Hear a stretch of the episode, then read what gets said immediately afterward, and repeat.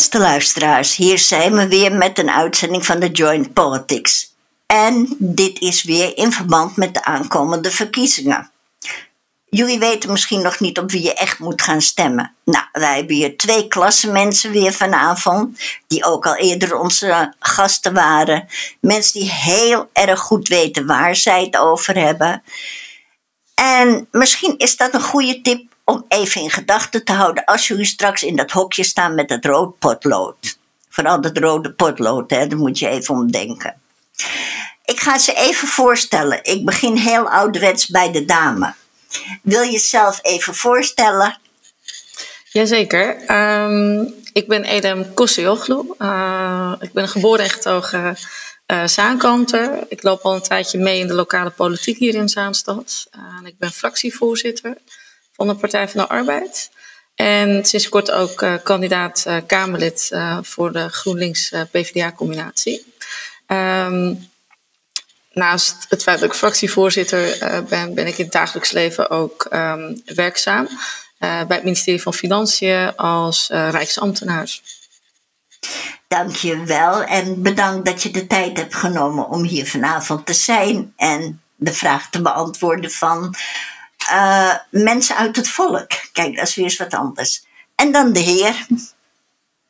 Wil jij je ook even voorstellen? Zeker, mijn naam is uh, Lammert van Raan. Ik ben Kamerlid sinds uh, zes jaar voor de Partij voor de Dieren. en ik hou me onder andere bezig met financiën. waaronder ook inderdaad de, de toeslagen. Ehm, en daarnaast zit ik in de parlementaire enquêtecommissie die de sociale zekerheid over de afgelopen 30 jaar in Nederland onderzoekt. En mijn andere uh, dossiers, althans waar ik me bezig hou, is, uh, zijn, uh, ik ben bezig met een klimaatwet, een aangescherpte klimaatwet. En een wet die ehm, ecocide, dat is het vernietigen van de natuur, eigenlijk moord op de natuur, strafbaar gaat stellen in, in Nederland. Dus dat zijn mijn voornaamste activiteiten. Heftige dossiers heftige dossiers, mooie dossiers, veranderen, dossiers die de zaak gaan veranderen, die de transitie gaan, uh, gaan helpen. Mooi. Nou, dan denk ik dat we maar moeten gaan beginnen. Um, ik heb dus een aantal vragen. En dat zijn van luisteraars. We beginnen met uh, de eerste vraag. Kan jij die even doen? Uh, ja, Yes. Nou ja, de eerste vraag um, is uh, van iemand die anoniem wil blijven. Maar de vraag is van, als je kijkt naar de vertrouwen die gedaald is in de politiek. En als je daar hoofdzakelijk kijkt naar jongeren, wat ik zelf ook op social media heb gezien, dat sommige mensen hun stempas gaan verbranden. Allemaal tot dat extreme uh, punten. Hoe, hoe gaan jullie daarmee om? Wat is uh, jullie visie daarop? En hoe zouden jullie daar verandering in kunnen brengen? Lammert, ik begin met jou. Ja, laat, laat ik beginnen met zeggen dat ik het heel goed uh, begrijp dat jongeren het vertrouwen in de politiek uh, verliezen. Het geldt niet alleen voor jongeren. Als je ziet uh, hoe wij soms bezig zijn met de navelstaren. Ehm, maar hoe in ieder geval de Partij voor de Dieren daarmee omgaat, is juist ook de thema's die jongeren aangaat, zo goed mogelijk bespreekbaar brengen. En ook echt in gesprek gaan met, met jongeren. Ik noemde net de klimaatwet en de ecocidewet. En uh, die maken we echt uh, deels ook met jongeren. Dus we gaan met jongeren in gesprek. Uh, want per slotverrekening gaan, gaan wetten ook over hun toekomst. En dat hebben jongeren waarmee wij spreken echt heel goed door. Die snappen heel goed dat willen ze niet, laten we zeggen, een willoze burger zijn die, die, die, waar die wetgeving overkomt en waar, ze, waar de overheid ver weg van staat, is de enige manier om dat heel goed aan te pakken, is zelf in gesprek te gaan met, uh, met de politiek. En wij doen dat heel graag en wij doen dat heel veel. Niet alleen dankzij onze, uh, met onze jongeren um, politieke vereniging, de PINK is, uh, heet die vereniging. maar überhaupt de jongere klimaatbeweging bijvoorbeeld, om daarmee in gesprek te gaan.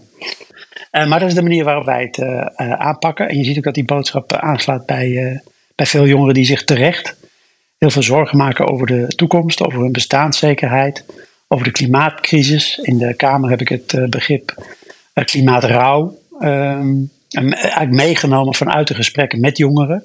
En dan zie je dat dat enorm, enorm leeft. Dus zo proberen wij dat vertrouwen ehm, vorm te geven en door in gesprek te gaan. Oké, ik wil nog even zeggen, jij ook van harte welkom en bedankt ondanks de drukke baan dat je hier toch eh, bij ons aanwezig bent. Geen, geen dit is de baan, dus ik doe dat met heel veel plezier. Oké. Okay. Ellen, heb jij hier nog wat over te zeggen? Uh, ja, zeker. Um, kijk, dat het vertrouwen in de politiek uh, en het bestuur lager is dan ooit, dat, is, uh, dat komt ook uit allerlei onderzoeken naar boven. Onlangs heeft volgens mij het CBS ook al in een rapport dat aangegeven. Um, maar daarvoor is niet echt één oorzaak aan te wijzen. Kijk, tegen die achtergrond, er spelen gewoon hele grote. Um, problemen die momenteel in, dit, uh, in Nederland. Uh, kijk, klimaat werd zojuist ook al genoemd. Hè? Ik denk dat we bovenop een klimaatcrisis hebben we dus ook echt te maken met een vertrouwenscrisis in een overheid. Uh, vaak wordt ook gesproken over een groep hè, Nederlanders die afgehaakt zijn, of afgehaakt Nederland wordt dat ook wel genoemd. Um, maar Tim Jongers zei dat heel mooi. Ik zeg ja, eigenlijk is de overheid uh, afgehaakt in plaats van uh, andersom, dat de burgers uh, afgehaakt zijn. Um, kijk, en dat het vertrouwen vooral een deuk heeft gekregen, dat komt onder andere door, nou ja, hè, hoe is omgegaan met Groningen, afhandeling toeslagenaffaire. Um, nou ja, een minister-president die elke keer van alles belooft en vervolgens vergeet. En uh, wat wij als GroenLinkse Partij van de Arbeid ontzettend belangrijk vinden, is dat we echt aan inhoudelijke oplossingen gaan werken voor de problemen waar jongeren uh, dagelijks tegenaan lopen. En, um, ja, en zoals ik al zei, dat is niet één thema of één onderwerp. Denk aan wonen. We hebben een wooncrisis. Uh, het kabinet had allerlei beloftes gedaan. En we zouden ja, meer gaan bouwen en de woningcrisis, woningscrisis aanpakken. Nou, dat is niet gebeurd. Um, jongeren die met studieschulden zitten bijvoorbeeld. Um, het is tegenwoordig voor jongeren ontzettend moeilijk als je ook vooral na je studie uh, probeert een baan te krijgen, daarnaast een leven op te bouwen, een woning te kopen. En als je dat niet kan, voor een normale prijs te gaan huren. Um, nou, we hebben ook al wat concrete voorstellen uh, gedaan, ook in ons verkiezingsprogramma. Dat bijvoorbeeld voor de sociale huur, uh, dat die inkomensgrens iets opgerekt uh, moet gaan worden. Um, nou ja, bijvoorbeeld jongeren die onder de 27 zijn, had Carola Schoten al aangegeven dat als ze in de bijstand zitten, dat we dan die kostendelersnorm gaan afschaffen. Maar daarvan zeggen wij, daar hoef je die leeftijdsgrens helemaal niet bij te hanteren.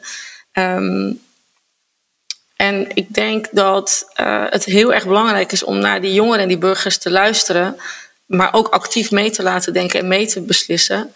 Um, en als je regels of allerlei beleidsvoorstellen hebt of wetsvoorstellen, uh, dat je dat van tevoren ook even uh, goed laat toetsen of het überhaupt werkbaar is en of het ook in de praktijk ook daadwerkelijk goed uitpakt voor jongeren. Dus dus ik snap uh, de desinteresse van uh, de jongeren in de huidige context. Alleen het is niet één knop waar je aan kan draaien. Je moet aan verschillende knoppen uh, draaien. En bestaanszekerheid, daarvan zeg ik altijd, dat is um, wonen, werken en een inkomen. dat moet gewoon op orde zijn. En iedereen moet die fatsoenlijk bestaan ook kunnen opbouwen in Nederland. En zeker ook de jongeren. die moeten ook dat perspectief uh, hebben en krijgen, maar vooral ook het vertrouwen uh, krijgen van de overheid, dat de overheid er ook voor hen is en naast hen staat. Dus ik denk dat we echt een hele grote opgave hebben de komende periode. Ja. Lambert, jij wilde nog wat zeggen. Ja, ik wil me daar heel graag bij, eh, bij aansluiten. Zeker die drie zaken als wonen, werken en nou, zeg maar die toekomst. Uh, ik wil nog even aanvullen. Uh, het is ook niet voor niks dat wij de kiesgerechtigde leeftijd naar 16 jaar willen brengen om jongeren echt ook een eh, stem te geven.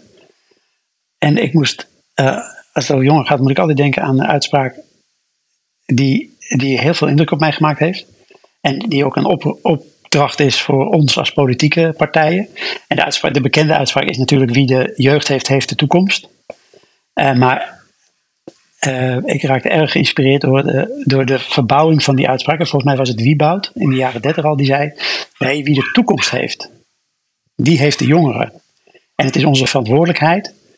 Uh, en zeker de, vanuit die verkiezingen van, van nou ja, misschien wel belangrijker zijn dan ooit, als politieke partijen, om die toekomst, dat toekomstbeeld uh, te schetsen en, en de vorm te geven. Ja, even heel kort een antwoord. Denken jullie ook oh. niet dat dit wereldwijd is? Dat overal in de wereld dit wel aan de hand is op het moment? In een heleboel landen. Ja, kort antwoord voor mij is ja. Ja, ja ook voor mij een kort antwoord, ja. ja. Ja, Goed, gaan we over naar de volgende vraag. Ja, ik moet af en toe met politie even heel korte antwoorden vragen. Liefhebber van Pink Floyd, daar komt hij. Um, nou, ik begin nu bij ELM sluiten jullie partijen uit en wat is jullie gedroomde coalitie? Uh, ja, of partijen uitsluiten. Nou, volgens mij hebben we wel eerder uitspraken uh, uh, gedaan.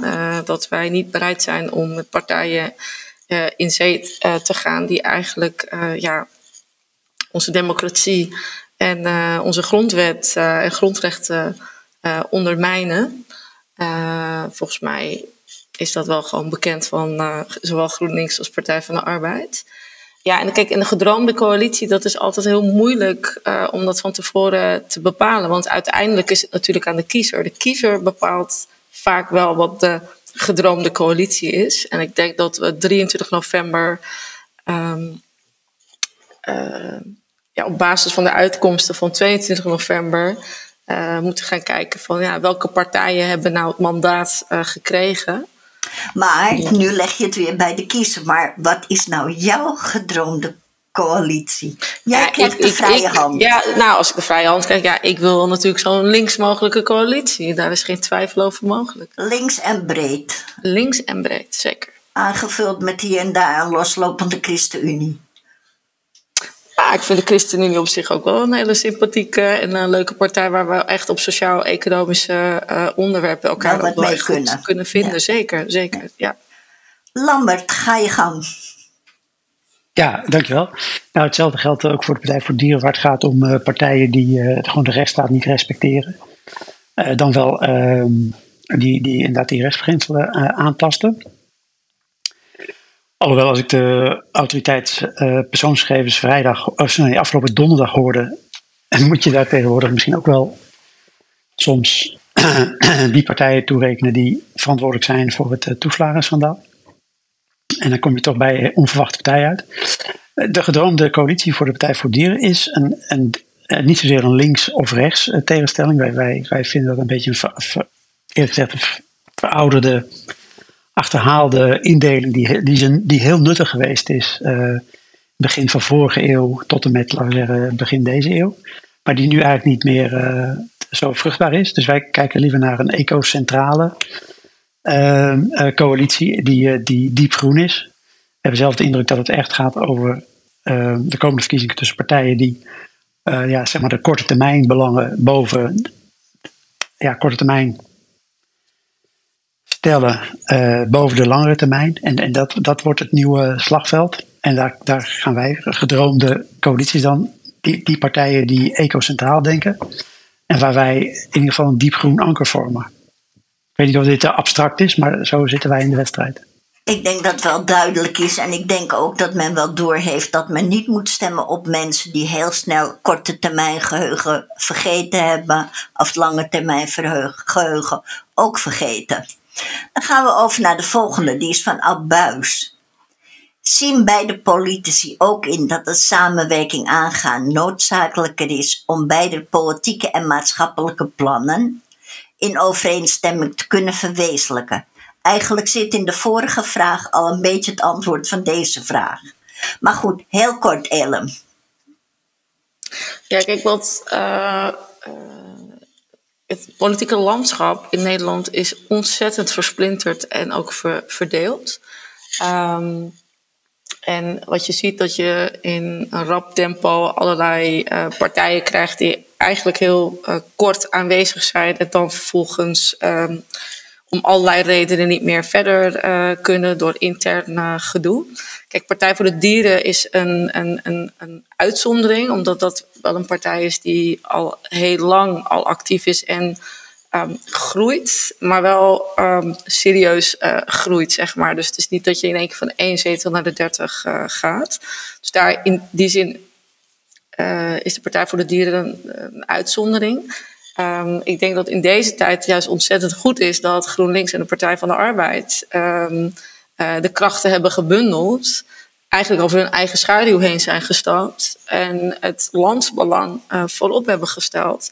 Um, en kijk, voorheen was het, um, uh, werd het als een soort tegenstelling gecreëerd. Hè? Dus aan de ene kant heb je klimaatambities en aan de andere kant heb je bestaanszekerheid. Terwijl dat is helemaal geen tegenstelling, want als je, je moet ervoor zorgen dat je die bestaanszekerheid op orde hebt. Dat is een voorwaarde om uiteindelijk die klimaatdoelen ook serieus te kunnen uh, te realiseren. Dus het is, dat hoeft helemaal niet tegenstel, uh, uh, tegenstelde belangen te zijn.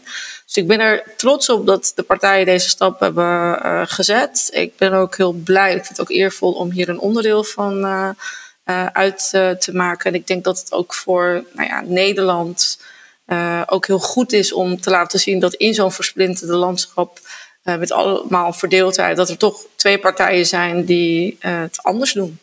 Eh, nou, het korte antwoord is ja. We, zullen, we, gaan, we gaan samenwerken. Om, om die politiek, ja, ja.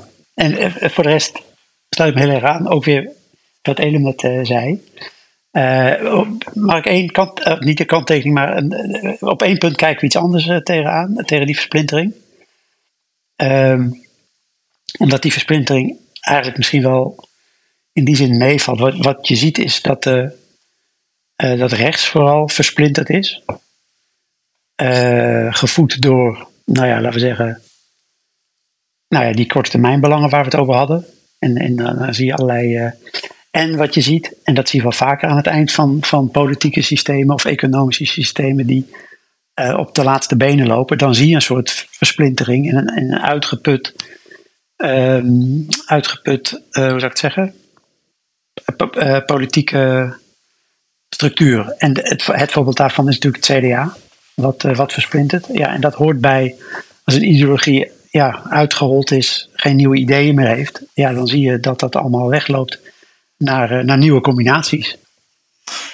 Inderdaad. En denken jullie ook niet dat al die versplinteringen op rechts die er nu zijn, dat het eigenlijk ook niet een klein beetje en een uitwas van de democratie is, maar ook wel een klein beetje tegen de democratie werkt? nou, een uitwas van democratie, dat vind ik een, een beetje een tegenstelling. Dat een democratie het is ook een tegenstelling. Maar, dan, moet je, dan moet je ons beter uh, even uitleggen wat dat betekent. Maar uh, de tweede wat je zegt, uh, ja, je ziet wel een aantal antidemocratische krachten opstaan. Met name dan bij, ja, bij, bij versplinterd rechts. Dat, dat is, valt niet te ontkennen, nee, dat klopt. Maar wat bedoel je met uitwas van democratie? Nou, dat het kan. Uh, zeg oh. maar, in een democratie is dit mogelijk. Zit jij in een communistisch land of in een rechtsfascistisch land, dan is dit niet mogelijk. Maar hier in de democratie is dit mogelijk. Ja, ja, okay. Je bedoelt eigenlijk dat de democratie een soort als instrument of middel wordt gebruikt om uiteindelijk Inderdaad datgene te bereiken. Ja, onder andere. Dat, ja. Um, Sorry dat ik niet duidelijk was. Nee, dus het is eh, juist in belang om een hele robuuste democratie te hebben. Die moet hier tegen kunnen. Daarom is het ook geen uitwas, maar een ja. gevolg wat we moeten kunnen, absor kunnen absorberen. Oké, okay, jullie Sorry, ik onderbrak jij. Uh, ik, ik, ik wou je niet onderbreken, Eden. Oh nee, nee, nee. Ik wilde alleen maar zeggen dat ik het eens ben met oh, okay. uh, Ja. Oké. Okay. okay, dan gaan we over naar Gert Westerhof. En dan is dat vooral gericht aan Elem. Waarom combi PvdA GroenLinks niet gaan voor herstelkoppeling uitkeringen aan de gemiddelde loonstijgingen? Zo verdwijnt armoede. Ik stel hem even in tweeën als je hier een kort antwoord op kan geven. Jazeker. Uh, kijk, uh, een, een, degelijk inkomen, hè, dat is gewoon een uh, basisvoorwaarde om een ja, fatsoenlijk bestaan op te bouwen. Um, voor ons is het belangrijk dat we ervoor zorgen dat iedereen een vrij, waardig en een zeker bestaan kan uh, leiden. Um, en als je kijkt, de vraag is volgens mij, hoe, hoe, zorg je ervoor dat die loonstijgingen, dat ook de pensioenen uh, erin meegaan. Heb ik dat goed begrepen? Of was ik dat denk uitkering? wel koppeling uitkeringen, pensioen, AOW, dat is eigenlijk ook een uitkering. Dus Oké, ja, sorry. Ja. Uh, nou, wij hebben al aangegeven dat we het minimumloon stapsgewijs naar de 16 uh, euro per uur willen. Ehm, en daarvan hebben we ook gezegd dat het minimumloon ook gaat gelden voor iedereen vanaf 18 jaar. Uh, en dat geldt ook uh, voor de uitkeringen als de, de, de AOW. Lammert, ik ga er helemaal van. Uh... Je wordt er stil van. nou nee, mijn stem ging ervan door, die wilde okay. niet. Oeh, laat jij je licht hier zo verschijnen. Wat vind je? Het gaat wel over de PvdA GroenLinks. Maar heb, jij hebt daar ook wel een idee over natuurlijk. ja, want die, kijk, die, die eh, die, die koppeling vinden wij wel belangrijk dat dat in stand blijft. Anders krijg je uh, nog grotere verschillen. En die, en die zijn al, die zijn al eigenlijk onaanvaardbaar hoog. en daarbij inderdaad, een van de redenen waarom we al die toeslagen hebben, is omdat je kennelijk met een gewoon werk, een gewoon arbeid, niet meer genoeg kan verdienen. En dat is een hele kwalijke zaak. En de belofte was natuurlijk ook altijd, al in de jaren 30, had Keynes een beroemde econoom uitgerekend, met de productiviteit. Uh, dat je makkelijk toe kan met 30 uh, uren werken uh, om te voldoen in de, in de basisbehoeften. En je ziet dat dat in rond 1960 was zo'n beetje zo'n optimum. dat je met een, een salaris, of midden jaren 60, dat je met, dankzij overigens het, het voorwerk van, of het werk van onder andere de PvdA, dat je met, uh, met, met een baan als, als, als leraar, ja, daar kun je gewoon goed van, uh, van rondkomen. En, en dat op een of andere manier, uh, kunnen we heel lang over praten, maar is dat verloren gegaan?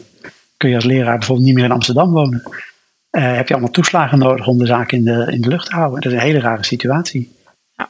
En veel mensen moeten zeg maar bijna 50, 60 uur per week werken. Ja, en dat, dat is heel bijzonder. Heel bijzonder met al die automatisering en efficiëntie en en eh, twee, eh, twee, eh, twee banen moeten hebben. En ja, dat is helemaal verkeerd gelopen. En even aanvullend ook, hè, met, uh, uh, ja, we, we, hebben natuurlijk een soort systeem uh, gecreëerd met toeslagen en subsidies om ervoor te zorgen dat mensen enigszins kunnen overleven. Want ik noem dat eigenlijk geen leven meer, maar overleven. Um, en het reflecteert ook een systeem waar eigenlijk de laatste uh, uh, jaren die bureaucratische processen natuurlijk belangrijker zijn geworden dan het welzijn van uh, de mensen. vaak is ook die menselijke waardigheid ook in Nederland verwaarloosd. Omdat we in Nederland meer streven naar nog meer controle, efficiëntie, kostenbesparingen. En ik denk dat deze verkiezingen, dat we ook op, op in dat opzicht ook op een kantelpunt zijn uh, gekomen. Namelijk willen we een samenleving waarin mensen afhankelijk zijn van toeslagen en subsidies om te kunnen overleven? Of willen we een samenleving waarin iedereen uh, de kans krijgt om op eigen kracht een fatsoenlijk bestaan uh, op te bouwen? En nou, ik, ik, denk dat het wel heel erg belangrijk is dat mensen dat moeten kunnen doen en dat die basisbehoeften en, ja, gewoon op orde moet op, op orde moet zijn. En een beetje vreugde in hun leven. Niet iedere keer het eind van de maand afwachten tot ze weer uh, de uitkering of de toeslag krijgen. Ja. Elm, speciaal voor jou, omdat dit natuurlijk ook iets is waarbij de PvdA toen de tijd in het kabinet zit, als ik het goed had. De kostendelernorm ja. voor gepensioneerden. Ja, ja. Um, kijk, het is overduidelijk en evident, en dat is de afgelopen jaren ook echt duidelijk geworden, dat die participatiewet veel te hard is, niet goed werkt, ook in de praktijk ook niet goed heeft uh, uh, uitgepakt. Burgers moeten vaak veel ingewikkelde formulieren invullen, documenten aanleveren. Um, uh, en de menselijke maat is eigenlijk gewoon weggevallen in, bij de bijstand. Uh, nou is het wel zo dat Carola Schouten, de minister, uh, een aantal versoepelingen in de participatiewet heeft doorgevoerd. Hè? Afschaffing van de kostendelenstorm voor jongeren onder de 27 uh, eh, bijvoorbeeld. Um, maar en daarvan zeggen wij, we willen en dat doen we nu ook in de Kamer. we pleiten voor een doorlopend een herziening van de participatiewet. de versoepelingen die nu zijn doorgevoerd, dat dat eigenlijk ondermaats is nog. Dus het kan veel beter. En als we gaan voor, kijken naar de komende periode, willen wij in ieder geval die verplichte tegenprestatie in de bijstand afschaffen. En, maar we willen ook die kostendelersnorm volledig afschaffen. Dus niet alleen voor jongeren onder de 27, maar gewoon voor iedereen. En een boete op samenwonen, vooral in, in tijden waar we echt te maken hebben met een wooncrisis, is natuurlijk onwenselijk. Dus de kostendelersnorm willen we afschaffen. Ja, dus heel duidelijk maken dat mensen die bijvoorbeeld oudere mensen die mantelzorg nodig hebben, die een kind in huis hebben, niet gekort gaan worden meer op de AOW of de eventuele uitkering die er is. Lambert, heb jij hier iets op te zeggen? Hey, wat, uh, nou, de participatiewet, ooit begonnen is een goed idee. Mensen meer uh, laten meedoen.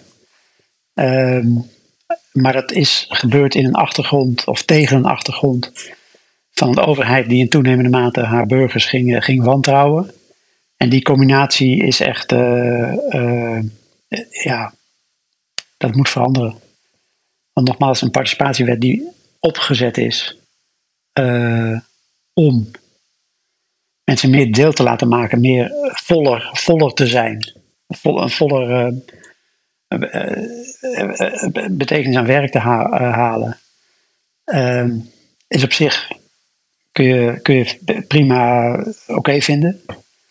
Eh, maar als dat gebeurt in een, in een klimaat waarin degene die daar gebruik van maakt of moet maken, wordt gezien als een, een potentiële fraudeur met, met die achtergrond. Want hetzelfde, dezelfde boeteregime speelt daar een rol. Ja, dat is, dat is, dat is onmenselijk. Ja. Ik krijg wel eens mailtjes, niet alleen mailtjes, maar ook op Twitter heel vaak DM's van mensen. En die mij vertellen: Ja, ik vind het heel erg, maar ik heb mijn kind buiten de deur moeten ja, nou ja. zetten. Wat is dat nou voor samenleving? Wat is dat nou voor samenleving? Het is kei en keihard gewoon. Keihard. Ja. Niet alleen dat.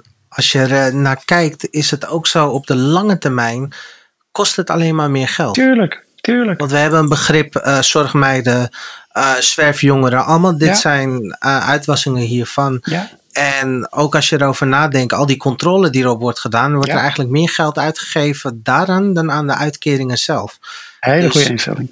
Het, uh, het, het is gewoon onpraktisch en wederom weer korte termijn denken, wat jullie beiden hebben genoemd eigenlijk. Ja, het is een korte termijn denken. En daarbovenop is het ook natuurlijk, kijk, de VVD, uh, uh, vooral Mark Rutte, die, die, hij zei altijd, ja, visie, dat doen we niet aan.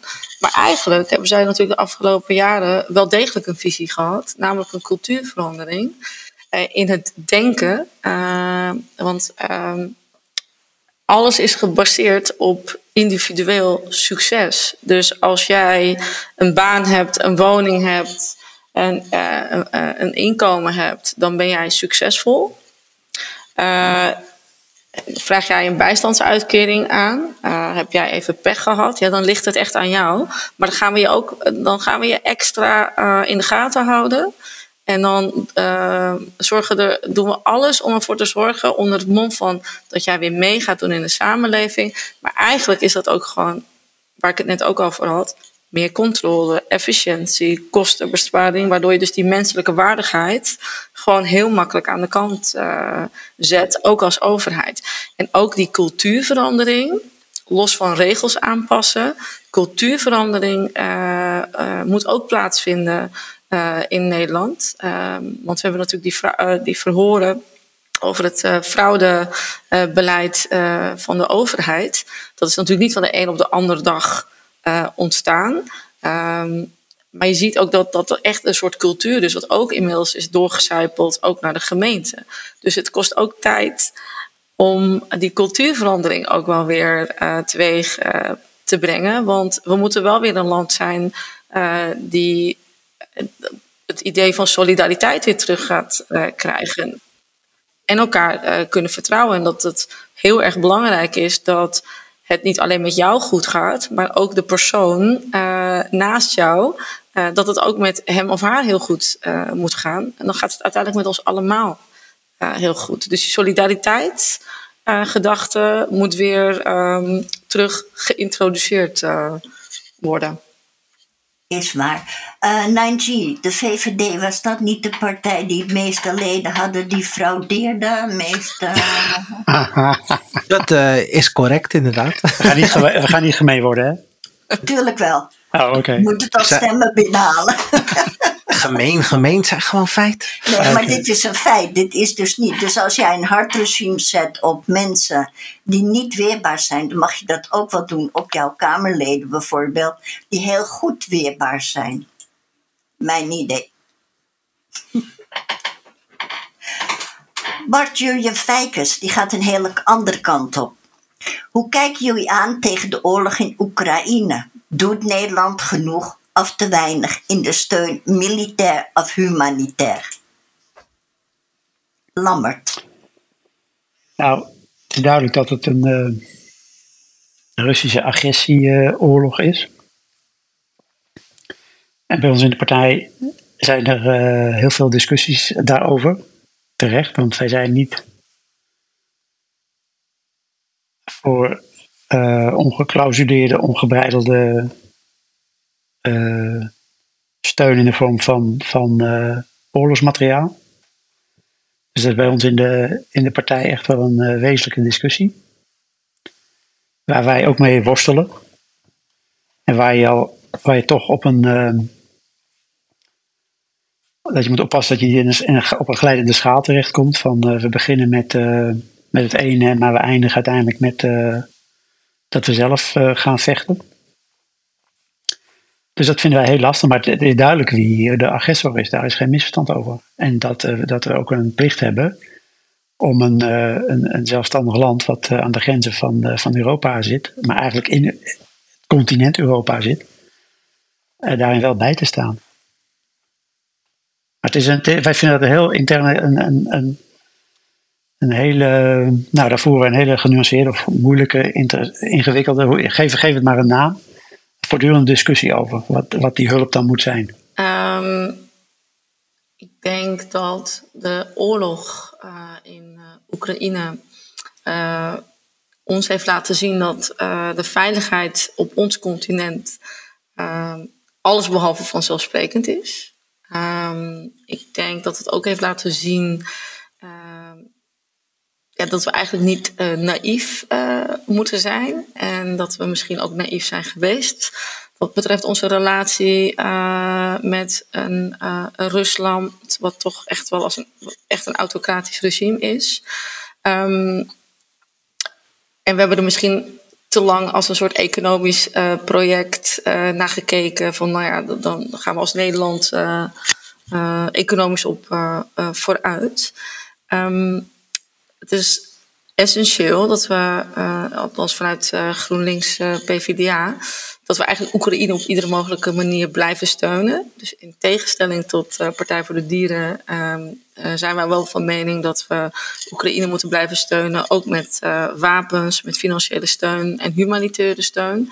Um, we vangen ook heel veel Oekraïnse vluchtelingen ook op in Nederland en dat we ze ook verder helpen bij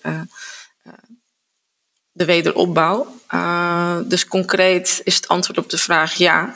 We moeten Oekraïne blijven steunen. En um, het beschermen van uh, de grenzen, vrijheid en democratie, uh, dat kan Oekraïne niet alleen. en, dat, en daar moeten wij ook ons als Nederland ook naast Oekraïne staan. Net als alle andere Europese landen. Je noemt net vluchtelingen. Dan vraag ik me af, wat is er anders aan Oekraïense vluchtelingen of aan Syrische vluchtelingen? Waarom stelt de regering van Nederland zich heel makkelijk op tegenover een dictator als Sadat en steunt daar niet de mensen die daar vechten tegen Sadat? Lammert, je kijkt me aan of je in Rusland hoort donderen. Nee, ik wil nog even zeggen dat op het gebied van de economische hulp, opvang, diplomatieke hulp, eh, zitten we er echt hetzelfde in als eh, de meeste andere partijen, dus ook PvdA. Het is waar, waar die militaire hulp en wapens die andere mensen doden. daar hebben we veel moeite mee. Die andere, daar, daar hebben we geen omdat ik net hoorde in tegenstelling tot. Ik denk dat oh, moet. Even, Sorry, nee, nee, maar dat moet ik even vertellen. Nee, wapens in ehm, tegenstelling tot de partij. Ja, wapens alleen, inderdaad. Ja. Met die wapens, daar zitten wij, uh, hebben we discussies over. En uiteindelijk hebben we wel die trainen, training van die piloten voor de, voor de F-16's uh, gesteund. Um, en waarom we de andere, je vraagt eigenlijk eh, waarom we de andere anders behandelen. Ja. ja, die lijken minder op ons. Dat zijn andere mensen. Ja, dus die staan verder af, andere, dat is verder weg. En uh, niet ons probleem en uh, et cetera, et cetera. En, en met, met, name het zijn anderen die niet op ons lijken. Daar gaat het, eh, de essentie. Want het is heel erg schrijnend. Ja? Nee, maar dat, dat klopt ook wel. Want ik heb heel veel met Rena Netjes. Ik weet niet of jullie die kennen. Die zit daar. En die maakt daar reportages. Oh en als je dan ziet hoe ongelijk het is dat er Syrische vluchtelingen zijn die ja, vluchten over Bulgarije en zo. En dan door Nederland niet opgevangen worden. En dan kom je wel weer met, ja, maar we hebben een bepaald quotum of opvangen in de regio. Maar dan gebeurt dat niet met Oekraïense mensen, maar wel met mensen uit Syrië, bijvoorbeeld. Um, nou, kijk, ik denk dat het verschil zit uh, bij Oekraïne is dat het, wij zijn nu zeg maar de regio. Uh, dus dat is, een, dat, dat, dat is gewoon een feit. Ja, dus dan ben jij in de regio en dan, dan wordt er natuurlijk ook van je verwacht dat je dus datgene gaat doen uh, wat ook van je verwacht wordt. Um, kijk, als het gaat om Syriërs of andere vluchtelingen, ik denk dat wij in Nederland Um, kijk, migratie, dat is een onderdeel, dat is altijd onderdeel geweest van Nederland. Dat was vroeger zo, dat is nu zo en dat zal in de toekomst ook zo zijn. Um, de vraag uiteindelijk hoe je met migratie omgaat, zal ook bepalend zijn van wat voor een samenleving wil je nou uh, zijn. Uh, als het gaat om die Syrische vluchtelingen, het is essentieel, ontzettend belangrijk dat de mensen die hier dan een status hebben gekregen, ook zo snel mogelijk mee kunnen doen in de samenleving. En wat je nu ziet, is dat die hele keten uh, ja, zit eigenlijk gewoon op slot. Uh, mensen moeten een woning uh, toegewezen krijgen, zodat ze met hun inburgering kunnen starten, kunnen werken, participeren. Um, ja, bedoel, er zijn ook heel veel mensen die natuurlijk ook gewoon van toegevoegde waarde kunnen zijn hier in Nederland op de arbeidsmarkt, waar we nu al tekorten in hebben. Um, maar uh, ja, zolang je steeds die vluchteling degene die uit Syrië komt en dergelijke als steeds probleem uh, definieert en als de ander, alsof ze uit uh, Mars uh, komen, zo positioneert. Um, ja, dat is natuurlijk ook niet wenselijk. Um, maar ik ben ook geen voorstander om die tegenstelling te creëren van nou de Oekraïners wel en de Syriërs niet. De positie is daarin iets anders, omdat je dus nu de regio bent. Maar daarnaast ja, vind ik eigenlijk dat we gewoon voorbereid moeten zijn op uh, migratie uh, uh, in Nederland. Het is gewoon een illusie om te denken dat er nooit meer, of dat je mensen niet meer hoeft toe te laten naar Nederland. Dus je kan beter een systeem oprichten waarbij mensen die de status ook krijgen, ook daadwerkelijk kunnen meedoen en inburgeren en participeren. Ja. En Nederland is zo mooi en met zoveel verschillende mensen liefhebber van Pink Floyd. Wat vinden zij van de vrijheidsstrijd? Daar komt hij aan, het kon niet anders, hè?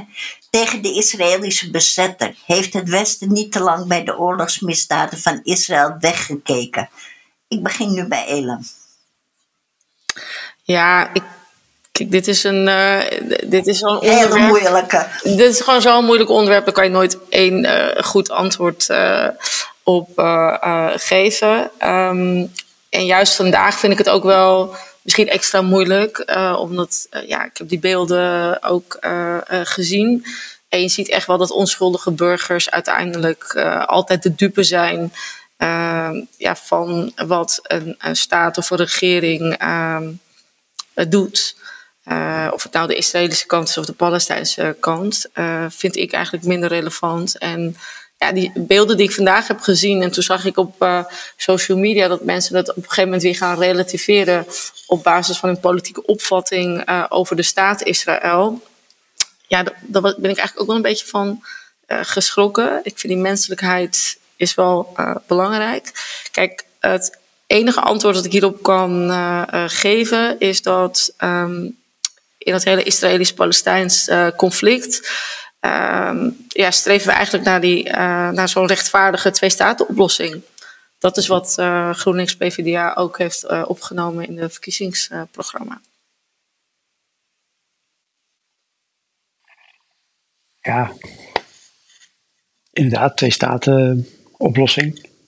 Maar je hebt te maken met ja, volstrekt getraumatiseerde landen en, en leiders.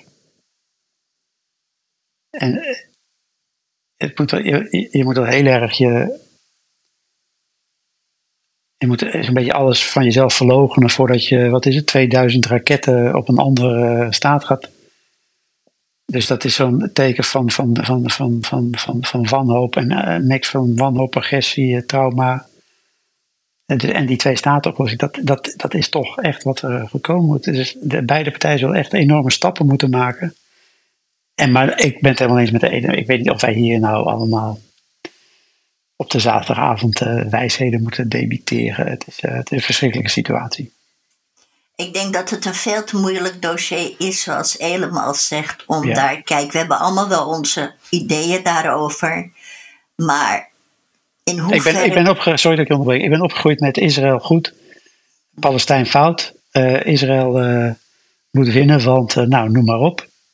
1970 is altijd aangevallen, dus dan heb je, en dan heeft heel Nederland vanuit de jaren 70 zo'n beetje een beeld van de kleine verdrukte uh, staat die, uh, met, met mensen die van een ander land ze uitroeien in de Tweede Wereldoorlog. Dus, dus hup, hup Israël, dat is eigenlijk de mentaliteit waar ik in ieder geval mee ben opgegroeid. En nou, dat is al lang niet meer aan de orde natuurlijk. Dat is een, gewoon een supermacht die heel veel nou ja, macht heeft, dus ook heel veel verantwoordelijkheid heeft eigenlijk. En, en, en die verantwoordelijkheid niet altijd nakomt. Of wat? Die, die, die verantwoordelijkheid niet nakomt. Maar oké, okay, ik ik ga okay, niet we gaan door met het volgende ja, onderwerp. Dankjewel, dankjewel. Um, en sorry voor de onderbreking. Nee, geeft niet.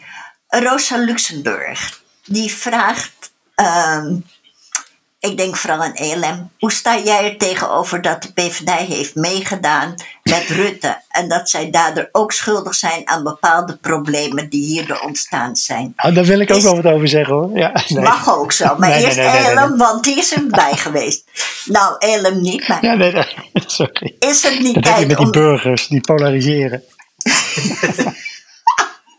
is het niet de tijd om in partij met de rode ideologie te worden? Nou, en Rosa heeft het dan erover of jullie erkennen dat jullie decennia lang hulden met de asociale slooppolitiek, het neoliberale beleid, daderschap, grote ongelijkheid in de maatschappij.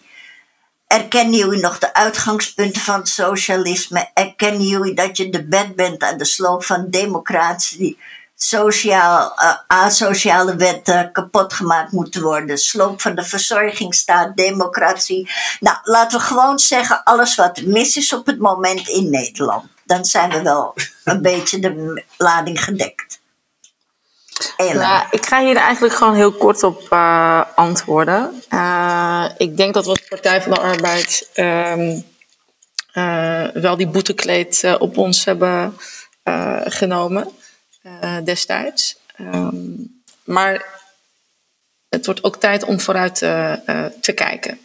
Ehm, en dat wil ik eigenlijk liever. Want het heeft gewoon geen. Er worden zoveel onderwerpen nu, uh, nu aangehaald. Van wat mogelijk ja, door. ik, weet, ik ben haar naam even kwijt. Rosa. Die vindt dat de PvdA het allemaal niet goed heeft gedaan. Um, nou ja, dus zoals ik al zei, ik wil liever uh, naar voren uh, uh, kijken. Ik denk dat wij onze eigen lessen eruit ook hebben getrokken. Ehm, en dat wij nu met de verkiezingsprogramma zoals het er nu voor ligt, dat wij echt een sociaal-democratische, een groene sociaal-democratische verkiezingsprogramma hebben. Ehm, en daar ben ik trots op. En ik denk dat we daarmee ook die verandering ook teweeg kunnen brengen, wat Nederland ook nodig heeft. Ik sta er ook echt achter.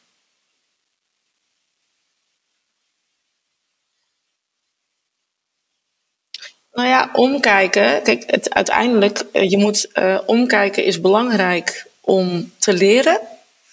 Uh, maar dan moet je vooruitkijken. Als je de hele tijd maar blijft omkijken, ja, dat, dat, dat, ja, ik vraag, dan kan je niet echt vooruit gaan.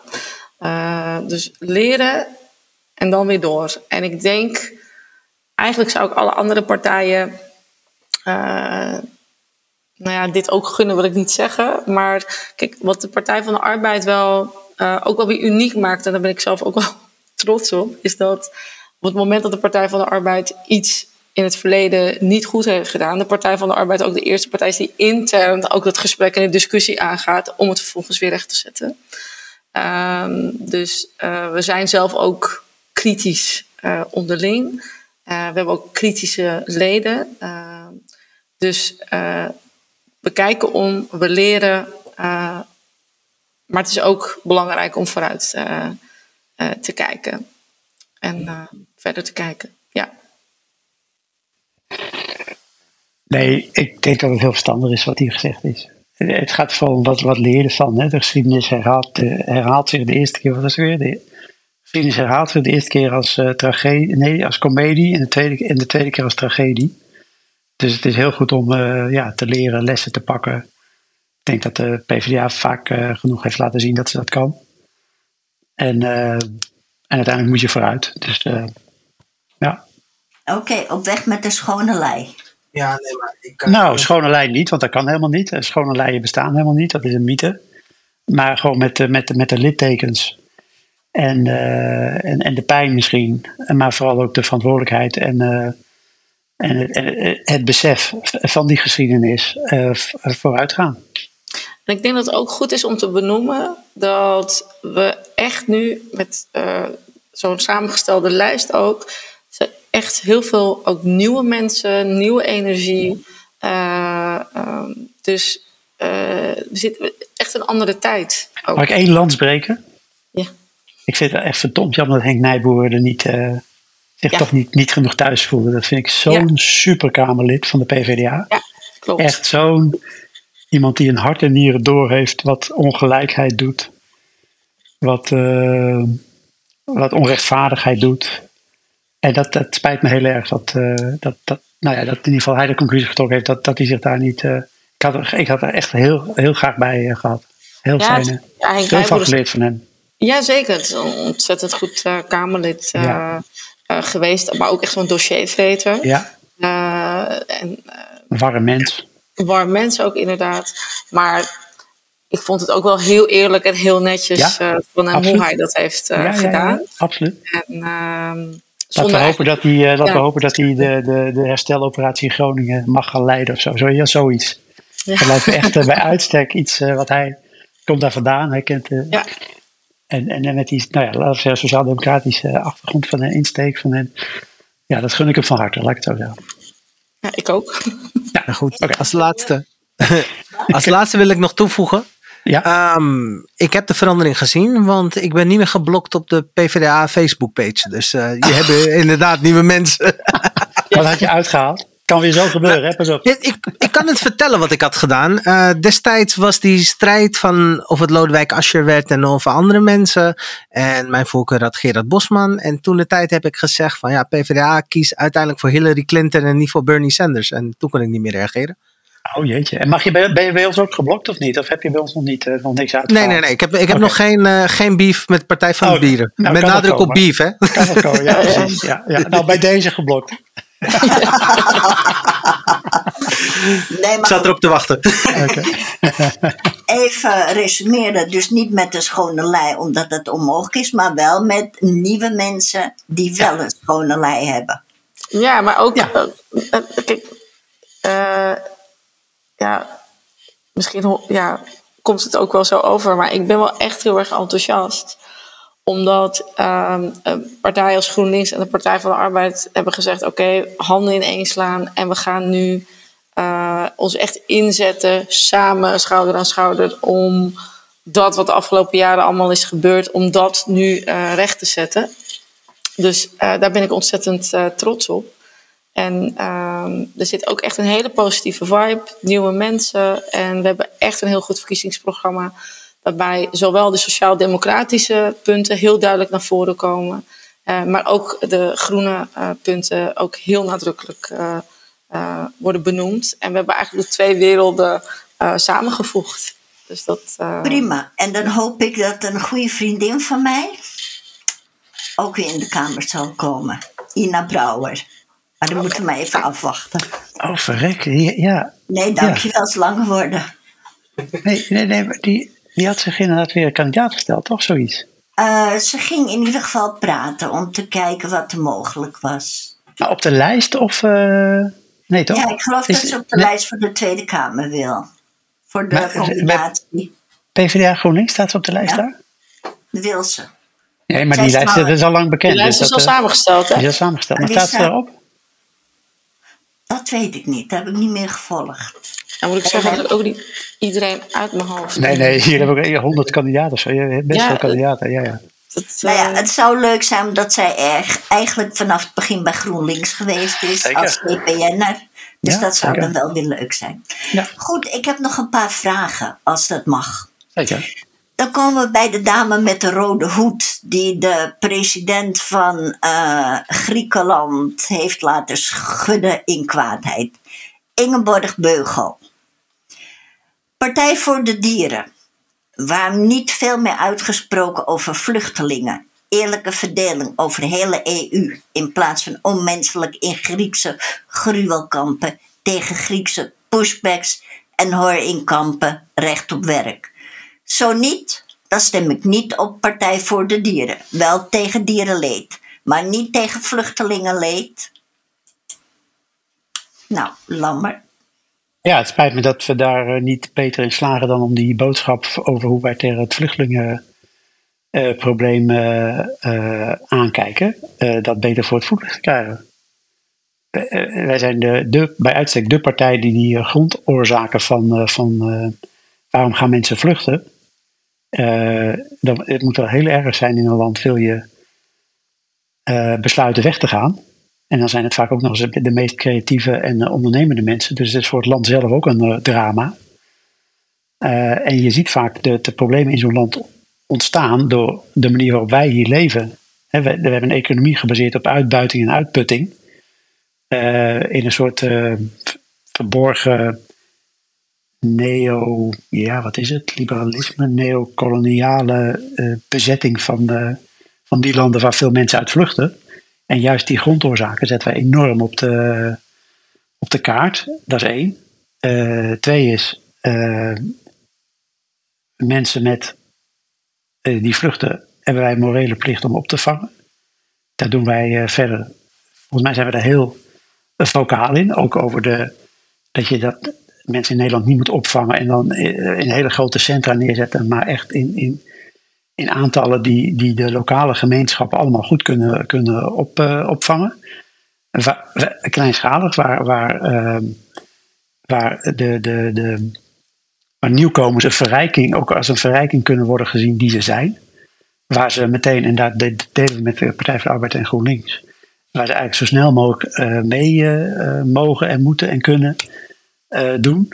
Maar als ze terug willen of kunnen, dat dat ook gefaciliteerd moet worden.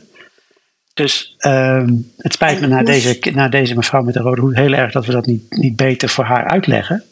Nou, daar Eh, kom dus- ik even op terug, want Dan moeten we nog be- beter ons best doen, denk ik. Ines Kostic, zeg ik het goed? Ines Kostic is onze nummer twee, zelf eh, afkomstig nou. van eh, ouders die gevlucht zijn. Die heeft dus op Twitter heeft zij hierop geantwoord. En zij heeft ook het eh, partijprogramma van de Partij voor de Dieren hierin op Twitter gezet. En dan kon iedereen nalezen waar jullie standpunt is in deze. Nou, daar ben ik eh, Ines eh, zeer dankbaar voor. En misschien kan ik nog een keer in contact treden met de mevrouw met de rode hoed. Oh, dat kan makkelijker. Als je wilt, dan breng je zo met haar. Het is een internationaal formaatjournaliste. Ze schrijft in De Groene. Ah ja, oké. En uh, Elem die schudt heel van ja. Nou ja, een van de... Oh, je noemt nu De Groene. Geweest, toch? In Brazilië, volgens mij ergens in Zuid-Amerika. Ze zit in Griekenland. Ja, nu, maar daarvoor. Um, nee, nou, dacht ik niet. Dat weet ik ook niet meer precies. Nee, maar als je, Nu, kijkt, als je nu kijkt naar uh, nu de groene... En, en, binnenkort komt daar een vrij groot uh, verhaal over het begrip ecocide. Uh, hoe echt, zeg maar, ook de, de Nederlandse economie verantwoordelijk is voor ecocide in allerlei gebieden waar ook de vluchtelingen vandaan komen. En dat juist het strafbaar stellen, dus het op persoonlijke titel strafbaar stellen van de misdrijf van ecocide, de Partij voor Dieren een, een wetsvoorstel in in voorbereiding heeft, wat, binnenkort naar de Raad van State gaat. Als je ziet de, de, de afdruk, zeker in de financiële wereld, die Nederland heeft op, uh, op kwetsbare economieën. bijvoorbeeld door middel van een, een, een, een wat, wat exportkredietverzekeringen heten. Voert misschien nu een beetje te ver om dat uit te leggen wat het allemaal is. Maar in ieder geval waar het om gaat is dat Nederland actief een actieve rol speelt in het mede mogelijk maken van het vernietigen van ecosystemen in, in, in Afrika. dan, dan, dan, dan moet er een haven worden aangelegd in Mozambique. En dan worden hele volkeren verplaatst of een ecosysteem aangetast. En er is geen, geen, geen verzekeringsmaatschappij die die activiteiten wil verzekeren, want dat land is veel te instabiel. En dan heeft Nederland, hè, het, het grote Nederland, die, die, de Nederlandse staat verzekert dan zo'n risico. En dat heet de exportkredietverzekering. Dat zijn gewoon weapons of mass destruction waardoor die vluchtelingensteun maar gefaciliteerd blijft worden. En dat moet stoppen. En, en de verantwoordelijke, wij zijn een van de weinige landen die uh, een, strafbaarstelling voor de, voor de hoofdverantwoordelijke daarvoor doet. En die gaan de bak in, maar dat kan niet. Nou ja, het erg is dat... Het is allemaal met elkaar verweven. Nou ja, en een heleboel mensen die, moeten, uh, uh, die, worden, die gaan niet vrijwillig vluchten. Ze worden gewoon verdreven van die gebieden. Ja, natuurlijk. Ja. En met, met, Nederland, met Nederlands belastinggeld. Maar dit moet heel duidelijk naar buiten komen. Het probleem is vandaag heb ik, ik ben gestopt ontiegelijk veel discussies gehad waarom er vluchtelingen zijn.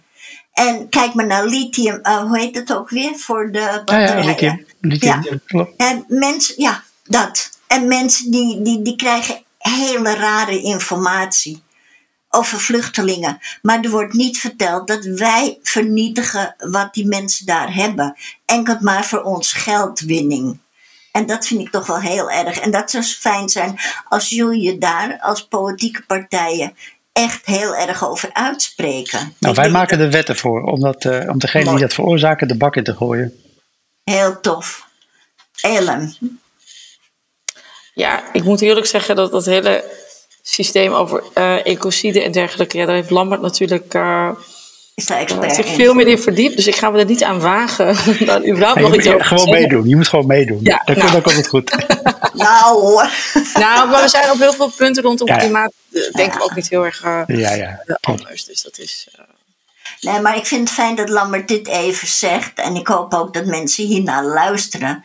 Dat vluchteling zijn vaak betekent dat je verdreven bent van af jouw geboortegrond omdat er een grote mijning, mijn, uh, mijn, mijn compagnie uh, helpt even, mijn bedrijf is. Misschien volgen jullie de discussie in West-Papua? Uh, nee, ik zie uh, Mountaintop removal. Is daar ook aan de hand? Absoluut. Ja. Nou ja, één ding wat ik sowieso, ik ben tussen nu en vijf jaar wil ik emigreren uit Nederland. Maar ik zat met iemand erover te spreken. En die zegt zo van ja, ik kan dat niet doen, want dan uh, het onderwijs vind ik daar uh, niet voor mijn kind. Ik zeg zo van ja, maar je kunt de internationaal school. En die zegt ja, maar dat is zo elitair. Ik zeg zo, maar wees eens eerlijk, we zijn elitair. We zitten eigenlijk in een land waar je eigenlijk niet hoeft te vluchten om wie je bent, om uh, je politieke overtuiging of omdat je huis gebombardeerd is. Je gaat eigenlijk weg omdat je eigenlijk weg wil. het is een keuze die je persoonlijk maakt. En dat kun je eigenlijk ook niet vergelijken met iemand die moet vluchten voor dergelijke grote problemen in het land. Dus toen zei ik, ja, we zijn ook elitair. Dat, dat is eigenlijk gewoon de, de echte waarheid. En als jij wil emigreren en dat niet inziet, dan ga je een beetje een probleem tegenkomen. Ja, het is net zoals ik vertrek. Het is leuk, men gaat naar het buitenland wat opbouwen.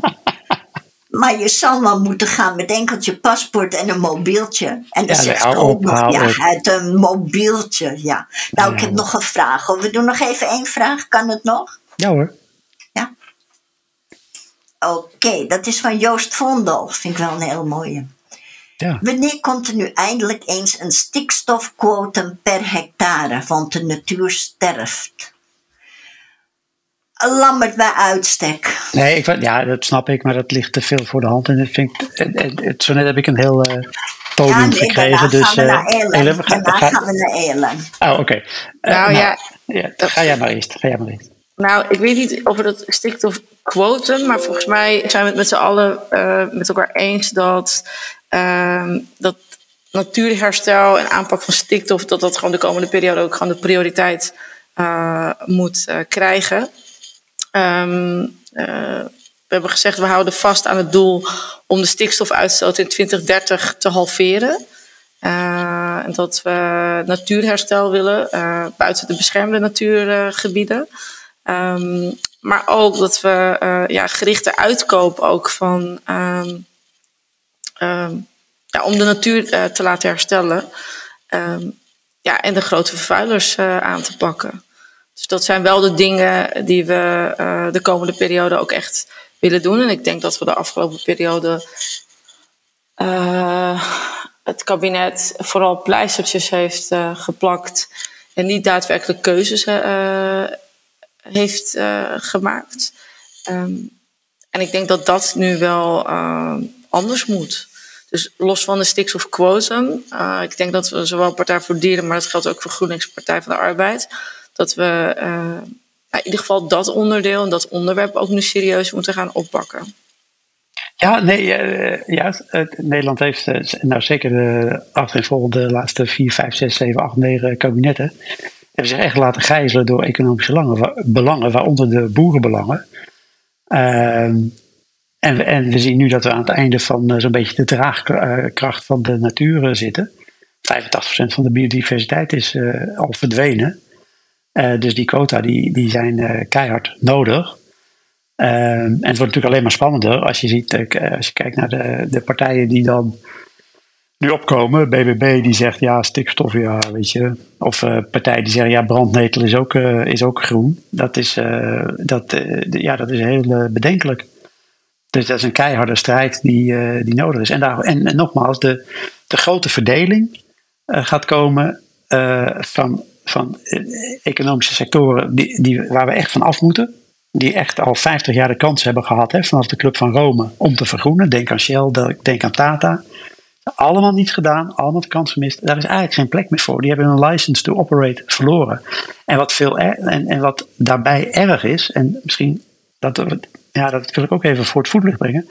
Doordat we die met al die nou ja, kabinetten die we gehad hebben, die, die, die grote molochen, die, die, die vermorzelaars van de natuur, van belangen, van ongelijkheid, of van gelijkheid moet ik zeggen, in stand houden, zorgt er ook voor dat die, die, veel, die kwetsbare innovatieve bedrijven die wel binnen de grenzen van de samenleving zitten, die van de planeet willen, die wel voor een eerlijk loon zijn, die zijn allemaal eigenlijk onderdrukt daardoor. Dus we, we staan voor een fenomenale opgave om, om eigenlijk de samenleving te verdelen in welke bedrijven, welke economische sectoren uh, moeten we afbouwen en welke moeten we gaan opbouwen. En 85%, even voor het getal, ik weet niet of het precies zo is, maar van onze economische bedrijven, onze financiering, onze wetgeving, onze sociale mores is gebaseerd op uh, business as usual in stand houden of te verdedigen.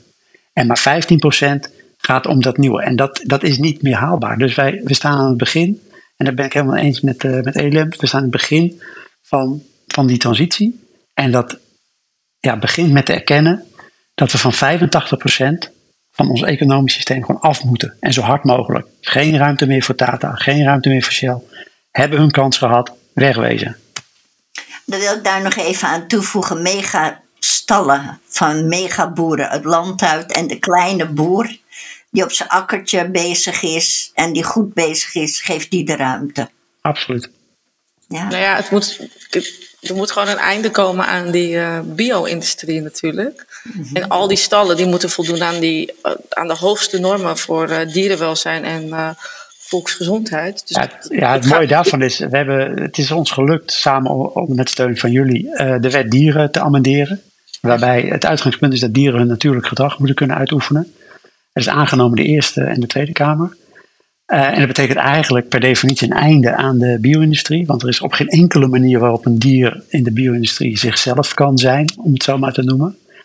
En, en uh, het enige waar de minister van Landbouw nu mee bezig is om die wet weer terug te veranderen. Dat maar vooral dieren niet hun natuurlijke zelf uh, kunnen zijn. Ja, dat is, dat is een grof schandaal. Ik er nog even aanvullend ook. We, uh, we hebben het zo af en toe wel eens gehad over de cultuurverandering en hoe je naar, naar onderwerpen of vraagstukken kijkt. Ook voor economie geldt nog steeds, of, en volgens mij zei Lambert dat uh, zojuist ook. Het is een soort beperkte um, blik eigenlijk op economie. Dus alles wordt alles um, wordt gekeken naar de economische waarde van iets. Maar we vergeten om ook te kijken naar de maatschappelijke waarde uiteindelijk van een bedrijf. En we vinden dat, um, uh, dat ook bedrijven die in Nederland ook gebruik maken van onze infrastructuur, nou ja, et cetera, uh, dat zij ook een bepaalde maatschappelijke waarde hebben. En dat we dat niet moeten beperken tot alleen maar economie. Um, of, of anders gezegd, ja, economie, je kan pas spreken over een economische uh, waarde als ook alle andere elementen zijn meegenomen. Dus hoe zit het met de arbeidsvoorwaarden? Wat voor uh, schade um, of geen schade levert het aan de natuur, milieu, welzijn? Dat zijn allemaal elementen die je eigenlijk in die nieuwe economie zou moeten uh, meewegen om daadwerkelijk te spreken van een economische waarde. Hè, dat zijn andere elementen die je ook moet meewegen. Ik denk, ik hoop dat we ook een beetje, uh, dat we ook nu die kant uh, op gaan. Want het stelsel zoals we nu hebben, is ook niet houdbaar. Ik denk, we zijn bijna aan het eind. Of we zijn eigenlijk al aan het eind. We zijn al acht minuten over tijd. Ik heb nog één vraagje trouwens. Oh. jij weer, jij weer. Ja, ik weer, ik weer.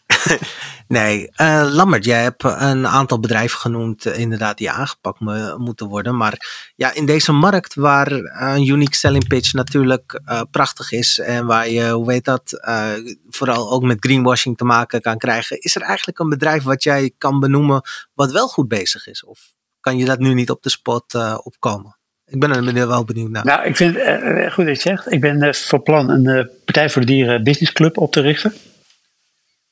Uh, omdat er heel veel bedrijven zijn die bezig zijn met die uh, uh, kleinschalige.